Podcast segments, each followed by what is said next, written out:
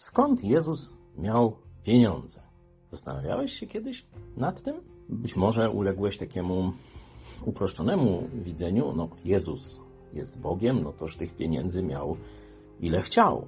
No, Jezus przyszedł na ziemię, jako człowiek się pokazał. Bóg przyjął ciało człowieka, a wraz z nim wszystkie ograniczenia, które dotyczą losu człowieka, za wyjątkiem grzechu.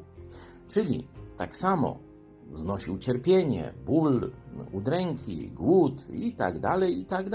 I najpierw Jezus zarabiał na życie ciężką pracą. Pracował fizycznie, był pracownikiem budowlanym, cieślą i w ten sposób zarabiał na życie.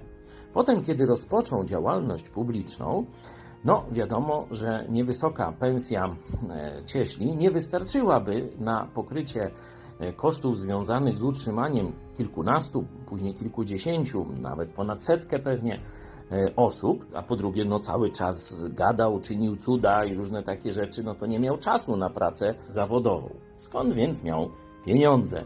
Już wiemy, że miał skarbnika. On miał na imię Judasz. Jest mowa o Judaszu, który trzymał kasę, był skarbnikiem, miał sakiewkę. Wiemy też, że on kradł z tych wspólnych pieniędzy, no ale wiemy dzięki temu, że y, były jakieś wspólne pieniądze, które zbierali do e, wspólnej kasy, można tak powiedzieć. Mm, skąd te pieniądze się brały? Oczywiście to ludzie dawali im jakieś drobne lub większe datki. Ślad taki ewidentny na ten temat mamy w Ewangelii Łukasza, ósmy rozdział, trzeci werset, gdzie jest mowa o Joannie, żonie Huzy, zarządcy dóbr Heroda.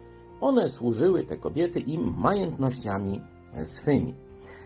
Jezus korzystał z pieniędzy ludzi, którzy dobrowolnie mu je dawali. Zobaczcie, że taki sam wzór jest dla uczniów Jezusa następnych pokoleń, dla całego Kościoła Jezusa. Dobrowolne wpłaty, a nie wymuszone z podatków.